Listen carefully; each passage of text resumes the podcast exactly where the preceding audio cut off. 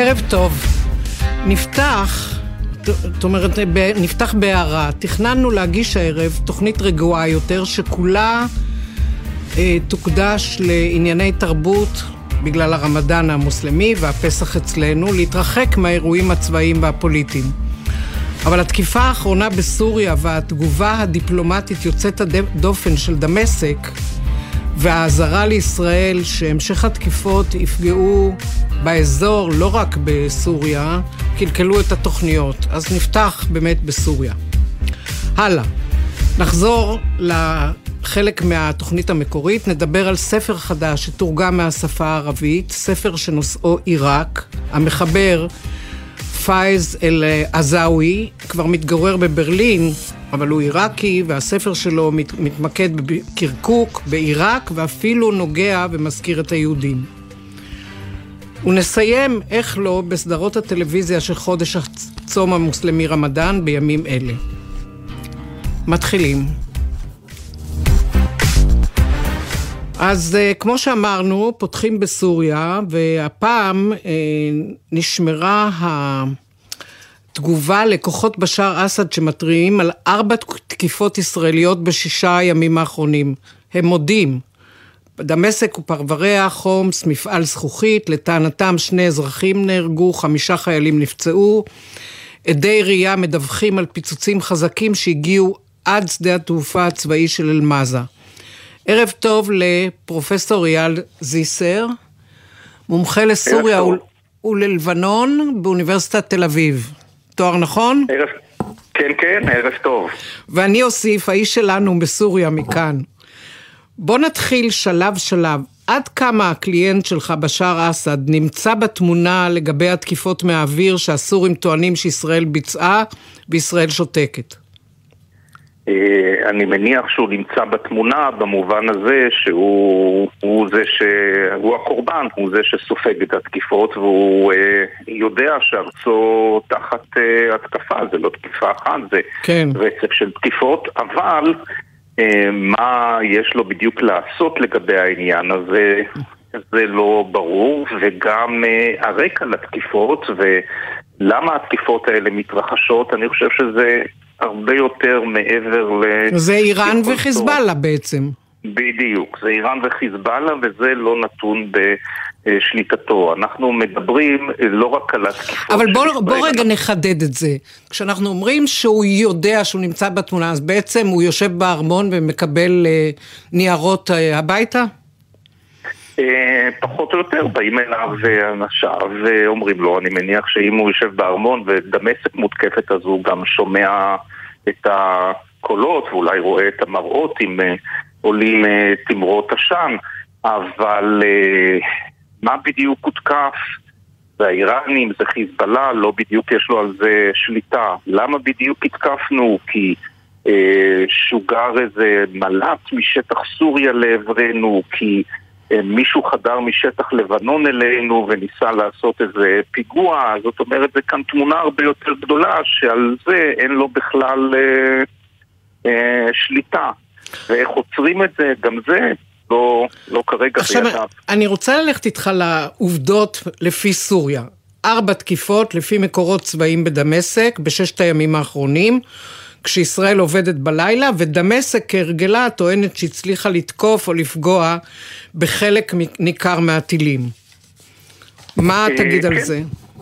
הסיפור הסורי הוא תמיד שהותקפו מטרות אזרחיות תמימות שאף כן. אחד לא מבין ולא יודע מה ולמה, לפעמים גם שדות תעופה כאילו אזרחיים, ושבמקרה שישראל משתמשת בטילים ולא במטוסים אז הסורים הצליחו להפיל חלק גדול מהטילים, אבל אנחנו יודעים ששני הסיפורים הללו, שתי הטענות האלה, אה, אין בהם אה, אמת. ישראל תוקפת על פי אה, כנראה מידע מאוד מדויק, מטרות שמשויכות לאיראן, משויכות לחיזבאללה, שאולי גם בשאר לא יודע אפילו עליהן. ודבר שני, גורמי אופוזיציה בסוריה מדווחים שהיו פגיעות ושמטרות, וגם הסורים לפעמים נאלצים להודיע, שדה התעופה בחלב או שדה התעופה בדמשק, כן. נשאר לאיזה שבוע כי הייתה בו פגיעה.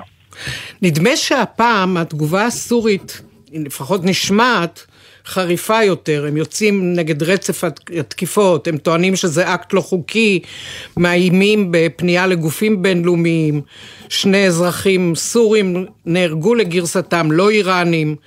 דמשק החליטה להתעורר, או שאיראן שלחה את דוברי הצבא הסורי לתקשורת?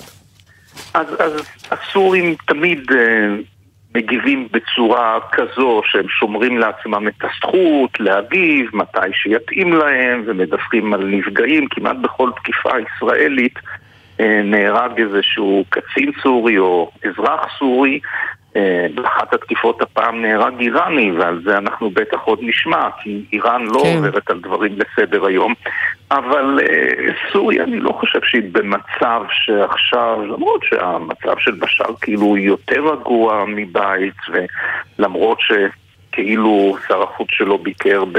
אז זהו, תכף נדבר על זה באמת. מהצד הפוליטי אנחנו עדים עכשיו לתהליך של התחלת החזרת סוריה ובשאר אסד לתוך העולם הערבי, לחיק העולם הערבי.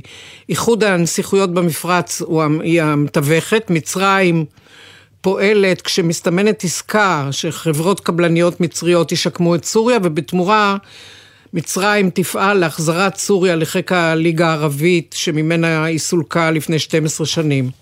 איך זה באמת אה, עובד הדבר הזה? אה, זה, זה, זה יקרה כנראה באיזשהו תהליך, והאמריקאים יום אחד יצאו, וגם הטורקים, ובואו נחכה אחרי הבחירות בטורקיה, אולי אה, יורשיו של ארדואן, ארדואן, יפחיתו את הנוכחות, אבל זה תהליך ארוך, זה תהליך מתמשך, וגם... אף אחד לא יעשה לסוריה טובות. מה שסוריה צריכה זה מיליארדים של דולרים. אתה מדבר על תהליך ארוך, אבל יש פסגה ערבית במאי, בריאד, מדברים על החזרת סוריה, שאסד יהיה האורח שם. אז אני אומר תהליך ארוך, כי זה כבר שלוש-ארבע שנים מדברים על זה, ואנחנו רק עכשיו, זה דבר אחד. דבר שני, יש את ההיבט הפומבי, אוקיי.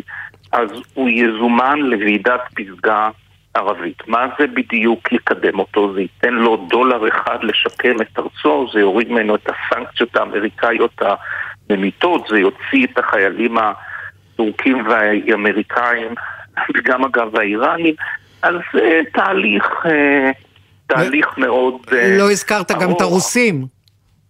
אה, הרוסים לכאורה הם הפחות מסוכנים, כן, כן כי...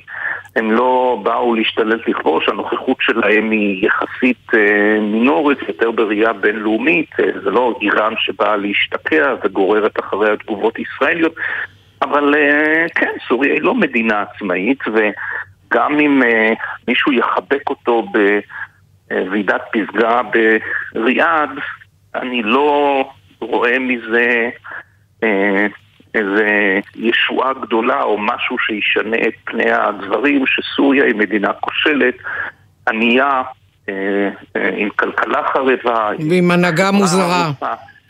כן, ושלא הולכת לשום מקום, שלא שולטת על זה במהותו של דבר, לא ישתנה. אני אשאל אותך עוד שאלה אחרונה, קצת חריגה.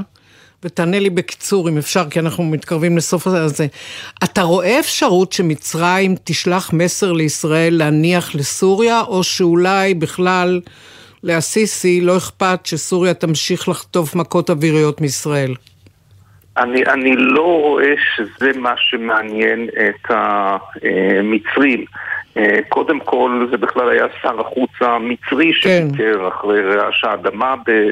לא, לא נראה שזה מה שמעניין את סיסי, וחוץ מזה היום מצרים, אה, תפקידה החשוב זה להקשיב למה שהסעודים אומרים, ולכן סעודיה היא יותר אה, חשובה. גם אה, האמירויות ניסו, אבל אני חושב שכל אחד מבין שבלי שיש שינוי בנוכחות האיראנית בסוריה, לא יופסק. שום דבר לא יזוז. תודה כן. רבה, פרופסור אייל זיסר. תודה וחג שמח. חג שמח. עכשיו נחזור לתוכנית המקורית, וערב טוב לעידן בריר. ערב טוב, סמדה. מתרגם הספר אחרון המלאכים, אבל תן לי עוד משהו מהתואר שלך. אה, מלמד ערבית, גם בין היתר. כן. מתעסק קצת בנושא העיראקי והכורדי, שהם שניהם נושאים רלוונטיים לספר הזה, בין השאר. בוא נדבר על גיבורי הספר שתרגמת, אחרון המלאכים, ודרכם נתווית העלילה, אבל קודם כל ספר איפה מתרחשת העלילה. העלילה של הספר מתרחשת בעיר מאוד מאוד מעניינת, היא מתרחשת בעיר קירקוק בצפון כן. עיראק. אה, עיר שהייתה מאוד מאוד חשובה בתקופה שבה מתרחש הספר, בשנות ה-40, ונדמה שהיא לא הפסיקה להיות חשובה מאז. אה, היא ממשיכה להיות עיר נפט, עיר שיש לידה את אה, כמה ממרבצי הנפט הגדולים, הגדולים. ביותר באזור של עיראק. ובעצם הסיפור מתחיל עם גיבור בשם חמיד, או חמיד ניילון. חמיד ניילון, ש... כן. תסביר למה כן. קוראים לו חמיד ניילון. השם ניילון נדבק אליו כשהוא ניסה לפתות את אשתו הבריטית של הבוס שלו בחברת הנפט. עכשיו, חברת הנפט העיראקית כמובן הייתה בבעלות בריטית. אה, זה חלק מהסיפור שמלווה את קירקוק לכל אורך התקופה הזאת. הוא הציע לה גרבי ניילון, נכון? הוא ניסה לפתות אותה, כן. ובסופו של דבר הביא לה מתנה גרבוני ניילון, והיא זרקה אותו לכל הרוחות. אה, ומאז השם הזה נתפס, אבל הסיפור הזה של ניסיון הפיתוי שלו והפיטורין שלו מהחברה, מחברת הנפט העיראקית כנהג, הוא בעצם האירוע שמתחיל את הסיפור, וממנו מתחיל, אה, מתחילה העלילה להשתלשל בהרבה מאוד נתיבים אה, נפתלים ומעניינים וגם מצחיקים מאוד, צריך לומר. איזה אווירה משרטט הספר? הספר מסרטט, אני חושב, אה, אולי קצת זה קשור לשיחה הקודמת עם אה, פרופסור זיסר. אני חושב שזה מסרטט איזשהו מבט אה, נוסטלגי, מתגעגע, לא נטול ביקורת, אפילו הייתי אומר מלא בביקורת, אבל מבט נוסטלגי ומתגעגע. הוא יכול להרשות לעצמו כי הוא נמצא בגרמניה ולא בעיראק. נכון, פאדל עזאווי, הסופר, אה, נמצא כבר משנות ה-70 בגרמניה, אבל אה, אני חושב שזה גם קצת חלק מהבונטון היום, להתגעגע לעיראק של פעם. עיראק כלשהי, אגב, לא חשוב, זה לא חשובה התקופה, יש כאלה שאפילו מתגעגעים לתקופה של סדאם. כלומר, המצב רע כל כך כן, היום, נכון. שכל תקופה נתפסת כתקופת, אה, כתור זהב שאפשר להתגעגע אליו בצורה כזאת או בצורה אחרת. עכשיו... אבל איזה... יש שם איזשהו מבט מעניין על, על תקופה מעניינת, על עיר מאוד מעניינת ומורכבת שיש בה הרבה אנשים מאוד מגוונים שמדברים הרבה שפות, בעלי דתות שונות ועדות שונות אה, והתנהגויות והתנהלויות יומיומיות שונות ובעיקר מראים חיצוניים שונים. ואז אה, היכולת שלהם לחיות ביחד, לשנוא, וגם לשנוא ולפחד אחד מהשני, אבל בעיקר בעיקר לחיות ביחד בסופו של דבר. תזכיר את היהודים. אה, היהודים הם חלק מהמרקם של קרקוק. אה, היהודים חיו בקרקוק, הייתה קהילה יהודית אה, מכובדת מאוד בקרקוק של מספר אלפי אנשים, מעריכים אותם ב-5,000 עד 7,000. קהילה מבוססת, גדולה, מאוד מאוד משמעותית בתוך המרקם החברתי של העיר. אבל הם, שוב, הם רק חלק ממרקם, הם, היית, הם, הם היו קהילה מעניינת ומיוחדת עם דת מעניינת בשביל ילד מוסלמי שמסתכל על העולם. אבל uh, הם היו חלק מקהילה הרבה יותר נרחבת, הרבה יותר גדולה, ואני חושב שהקהילה העיקרית שמיוצגת בספר דווקא היהודים הם אולי בשוליים. קהילה המרכזית הם טורקמנים. אה, שזה גם בפני עצמה קהילה מעניינת מאוד, קהילה של דוברי טורקית שנותרו במרחב הדובר הערבית אחרי סופה של האימפריה העות'מאנית.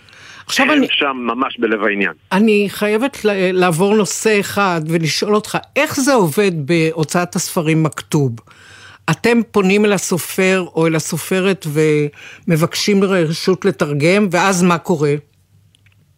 את אה, פאדל עזאווי, הסופר, אני הכרתי בכלל כמשורר בהתחלה. אני תרגמתי ספר שירים שלו לפני uh, שבע או שמונה שנים. Uh, והספר הזה, אחרון המלאכים, אחר מלאיקה בערבית, כן. תמיד היה שם ברקע. כלומר, שמעתי עליו המון המון דברים. שמעתי עליו אה, הרצאות בכל מיני כנסים אקדמיים ומפגשים ספרותיים ושמעתי עליו אה, דברי שבח והלל מכמעט כל מי שקרא אותו ובאיזשהו רגע מסוים פשוט החלטתי לזרוק את זה כהצעה למכתוב והם שלחו את זה ללקטורה, מאוד התלהבו ואני מאוד שמח, אני חושב שזה באמת, אני אולי קצת משוחד בעניין הזה, אבל אני חושב שזה אחד הרומנים הערביים המעניינים, הטובים ביותר שנכתבו, מצחיקים, מרגשים, אה, עצובים, הכל ביחד. ואני חייבת לשאול אותך עוד שאלה אחת. על שיטת התרגום במכתוב, זו שיטה שלא לא הרבה אנשים מכירים. יש מתרגם אחד, ויש, זאת אומרת, בדרך כלל זה מתרגם יהודי, שעובד עם מתרגם ערבי.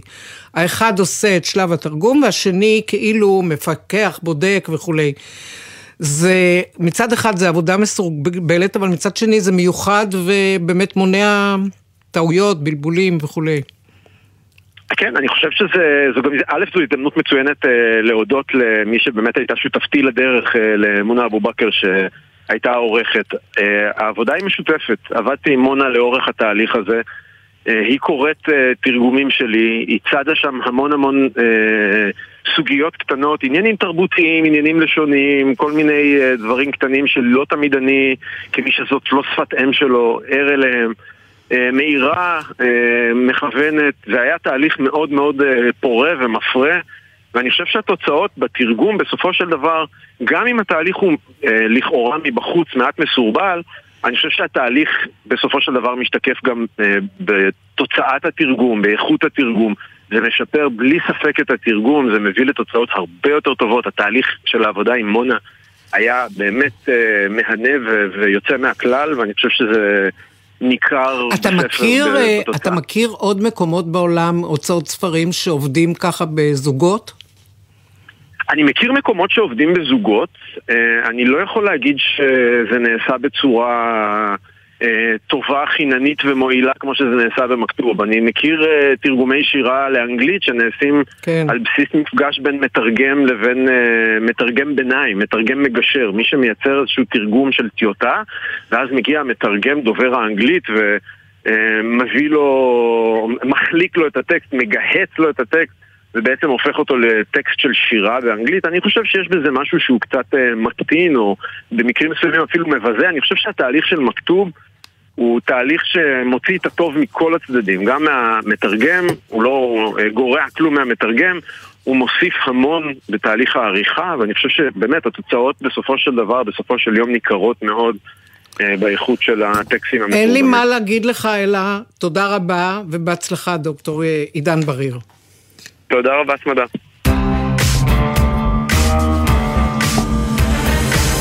עכשיו נקפוץ מהספרים אל אה, הטלוויזיה של חודש רמדאן. אני ממש יכולה לראות את המשפחות במצרים, במרוקו, בסוריה, עיראק, לבנון, למעשה ב-22 מדינות העולם הערבי, גם ברשות הפלסטינית, גם בעזה, יושבות מול מסקי הטלוויזיה ובוחרים אה, מה לראות, איזה סדרה לראות, באיזה פורום ומתי. ערב טוב לדוקטור איריס אה, פרוכטר רונן, היסטוריונית של המזרח התיכון וחוקרת תרבות הקולנוע וקולנוע בעולם הערבי מאוניברסיטת חיפה, מכללת אורנים והפורום לחשיבה אזורית. אמרתי הכל נכון? הכל נכון, חמדה, ערב טוב. תגידי, איזה סדרה הספקת לראות השנה או להתחיל לראות? טוב, השנה יש באמת באופן מפתיע, בשונה משנים עברו, יש המון המון סדרות, יש 32 סדרות ממצרים רק, יש בערך 100 בסך הכל. אבל אה, אחת הסדרות שככה ממש צדה את עיני, והיא באמת קשורה אולי גם לרצון של המצרים קצת אה, למשוך את הקהל, אה, או איך אומרים, להשכיח את המציאות הכואבת, היא סדרות שהולכות ככה אחורה להיסטוריה. אחת מהן היא הסדרה על, על אותו חליף אומאי, כן. מועאוויה. כן, מועאוויה בן סופיאן, כן, סדרה אפית מתקציב עתק של 100 מיליון דולר. והיא באמת אה, עוררה גם הרבה מאוד עדים, הרבה מאוד ביקורת. אבל את יודעת, לאורך השנים התרגלנו לראות את הסדרות המצריות, ופתאום טורקיה באה וגנבה להם את ההצגה. עכשיו אה, נדמה לי שמתחילה להסתמן תנועה איפה שנמצא הכסף, וזה בסעודיה ובנסיכויות, הם מוכנים לממן. נכון, ובאמת MBC הם אחת ה... באמת הפלטפורמות שמהם באמת יוצ... יוצאות ההשקעות הגדולות האלה, אבל צריך לזכור, עלות של הפקה של כל סדרה היא בין 30 אה, ל-40 מיליון לירות מצריות, מה שאומר שהעלות להפקות... כן, אבל תסבירי מה זה 30-40 אה. מיליון לירות מצריות, זה היה פיחות גדול בשער נכון. הלירה המצרית. ועם זאת, במדינה שבה היום, עם למעלה ממיליארד גיני יעלו רק הסדרות הרמדאן ולמעלה מ-60% מהציבור הוא מתחת לקו העוני, יש כאן איזושהי אמירה גם לגבי הצורך הזה, דווקא בזמן מצוקה כלכלית, אה, למשוך את הציבור למקומות שבהם אה, אולי באמת השחרור שהבידור הזה יבטיח, אולי יהיה גם איזושהי חירות ממחשבה על אה, התנגדות. אה, עוד עובדה מעניינת לא פחות השנה, בניגוד לשנים קודמות, אין סדרות ריגול נגד ישראל. אין סדרות שבהן נכון. דופקים את המודיעין הישראלי, מסדרים אותו, שותלים קציני ריגול, בדרך כלל סוכנים מצרים. זה כאילו נעלם. אה, הסדרות האלה זכו לאחוזי צפייה ענקיים, ואני מנחשת שכשהתחילו השנה להפיק את הסדרות, האווירה הייתה יותר טובה עם ישראל, לא כמו עכשיו. פה באמת אה, אנחנו נכנסים למחוזות הפוליטיים של, של, גם של קצת ספקולציה אולי, כי באמת, אה, אם אנחנו באמת בודקים את זה ברמה האסתטית, התרבותית, ואולי באמת מהכיוונים האלה של קולנוע ושל צפייה שהיא צפייה בידורית, אה, במשך שנים באמת זה עבד מאוד טוב, וזה משך מיליוני צופים לא רק במצרים, בכל העולם הערבי, כן. דווקא במדינות שיש לנו איתם נורמליזציה, או מדינה כמו מצרים או ירדן.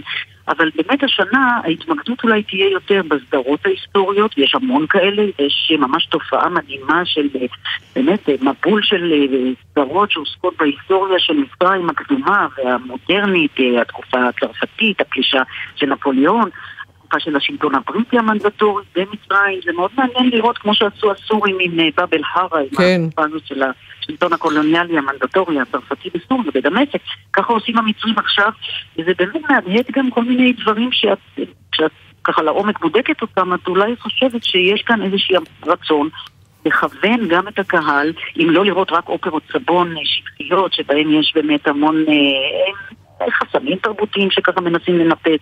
אה, שאלות של מתבגרים אה, מול ההורים שלהם. אני רוצה לקחת אותך לעוד נושא אחד שמככב בסדרות תמיד, וזה זוכה לצפייה, וזה המעמד הנשים.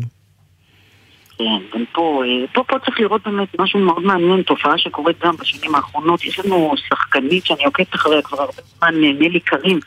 כן. היא באמת עושה איזושהי עבודה מאוד מעניינת, לא רק בסדרות עצמן, היא עושה את זה בקולנוע, היא ממש אקטיביסטית אה, מגדרית, אפשר להגיד פמיניסטית, שדרך הסדרות שלה היא גם יוצרת, היא גם שחקנית מאוד אהובה.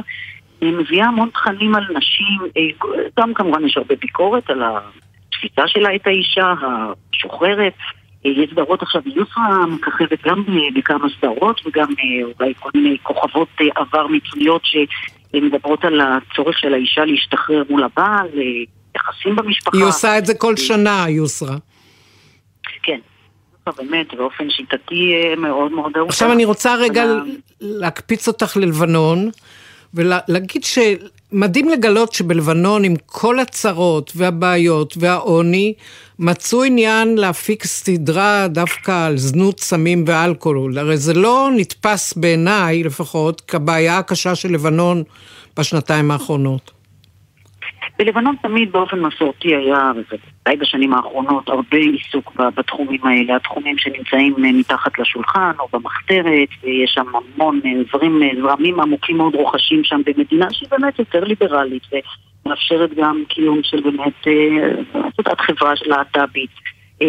תנועות פמיניסטיות, חברה אזרחית שהיא קצת יותר ככה מגובשת מאשר בוודאי במצרים שעוברת באמת איזשהו דיכוי חברת של מודיעין הפנים.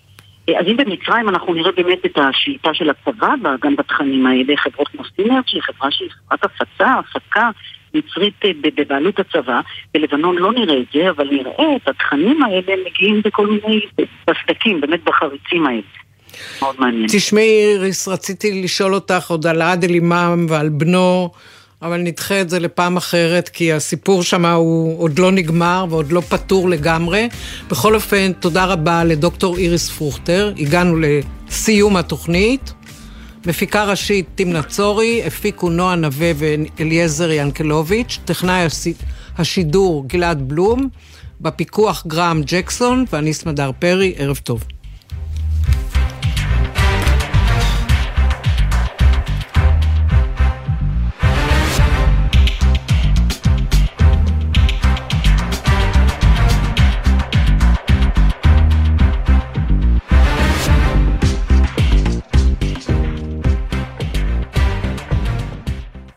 בחסות הפניקס סמארט, המעניקה עד 45% הנחה בביטוח המקיף. כוכבית 5432, או חפשו הפניקס סמארט בגוגל. כפוף לתקנון המבצע, הפניקס חברה לביטוח בע"מ. בחסות אוטודיפו, המציעה מצברים לרכב עד השעה 9 בערב בסניפי הרשת, כולל התקנה חינם.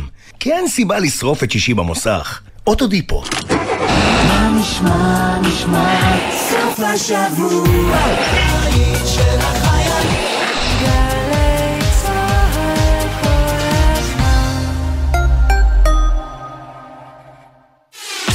חופשת אביב בירושלים. מוזמנים לחוויה משפחתית לכל הגילים בירושלים. בשילוב מושלם של עיר וטבע באווירה אביבית. מגוון הטבות בבתי המלון ובמוקדים ברחבי העיר. חפשו בגוגל iTravel Jerusalem. בין ההגדה למצות נהנים מיער של סיפורים מלא בחוויות. קרן קיימת לישראל מזמינה אתכם בחול המועד לאירוע המרכזי ביער בן שמן ולפעילויות נוספות לכל המשפחה ביערות ובאתרי קק"ל בכל רחבי הארץ. פרטים באתר קק"ל. עמיתי מועדון חבר, ה crossover החשמלי של ג'ילי עם טווח נסיעה עד 460 קילומטר בהטבות ייחודיות השמורות רק לכם עד חמישה באפריל. לפרטים כוכבית 8133 או באתר מועדון חבר. חבר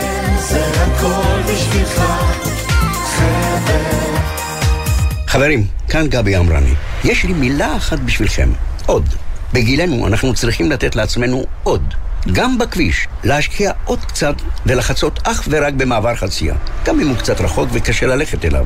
לא להתפרץ לכביש, לסמן לנהג שאנחנו רוצים לעבור ולהסתכל לו עוד רגע בעיניים כדי לוודא שראה אותנו. כ-50% מהולכי הרגל הנהרגים בתאונות דרכים הם אזרחים ותיקים. תנו לעצמכם עוד זמן. אלה החיים שלכם. כולנו מחויבים לאנשים שבדרך, עם הרלב"ד.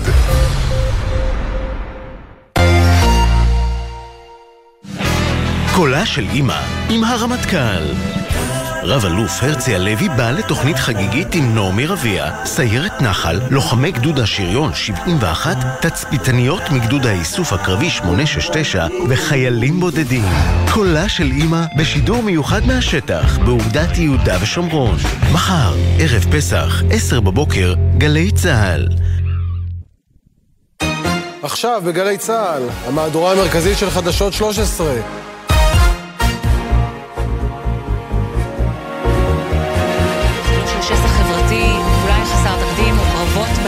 הפוליטית. אחרי השעיית הפיטורים, נתניהו וגלנט היום בהרמת כוסית משותפת עם המטה הכללי. זה לצד זה, כולל לחיצת יד מצולמת בפעם הראשונה אחרי לא מעט זמן. זה קורה כשבימים האחרונים, כך לפי האשמות הסורים, חיל האוויר תוקף שוב ושוב בסוריה, ארבע פעמים בתוך שבוע. הבוקר גם הטרור בתוך הארץ מרים שוב ראש, שני חיילים נפצעו בפיגוע דקירה ליד צריפין. מחר בחמש בערב ייכנס לתוקפו הסגר המלא ביהודה ושומרון, וגם המעברים לרצועת עזה ייסגרו. אבל לפני הכל, לאירוע הדרמטי שתופס את תשומת הלב העולמית בדקות אלה ממש, הנשיא טראמפ יצא מיד מביתו לבית המשפט לקראת מעצרו, שם ויהפוך לנשיא הראשון בתולדות ארצות הברית שעומד לפני הליך פלילי על אה, תשלום דמי שתיקה לשחקנית הפורנו סטורמי דניאלס, יותר נכון על רישום לא נכון שלהם. איתי באולפן גיל תמרי, ובמקום שבו הכל יקרה מיד נמצאת שליחתנו בניו יורק נריה קראוס. נריה, מה קורה שם עכשיו? שלום הילה, כן, אז ממש בעוד רגעים ספורים אנחנו עם העיניים לעבר טראמפ טאוור, משם יצא טראמפ ממש בעוד רגעים ספורים ויעשה את דרכו פחות או יותר איזו נסיעה של 20 דקות למקום שבו אני עומדת כרגע. כאן מאחוריי הטירוף, היום המטורף הזה. כבר התחיל עם מאות מפגינים שנמצאים כאן, חלקם תומכים של טראמפ, חלקם מתנגדים של טראמפ, ואנחנו רואים כאן מחיצה ממש שחוצצת בין המתנגדים. המשטרה כאן מאוד חוששת מאלימות, מאוד חוששת מההפגנות האלה, אז היא שמה מחיצה בין שני סוגי המפגינים כדי שלא נראה כאן אלימות ביניהם, ולפעמים כשמפגין נכנס, חודר לשטח של השני, אנחנו רואים כאן התגודדויות וצעקות וקריאות אה, בושה אחד כלפי השני, והמשטרה כאן נמצאת בכוחות מתוגברים הילה עם גידור, גידור מסיבי ביותר סביב בית המשפט שנמצא ממש כאן, כמה מטרים מאחוריי, לכאן טראמפ יגיע, מכאן הוא ייכנס, ממש בשעה הקרובה זה יקרה, אמור לקרות תוך כדי המהדורה שלך, אה, הילה, המהדורה שלכם, אנחנו נעביר מכאן את הקולות בשידור חי, ואיש התביעה שיקבל את פניו של טראמפ בכניסה צפוי להגיד לו, מר טראמפ, אתה עצור, ואז יתחיל ההליך הזה. צריך להגיד עוד קודם לכן...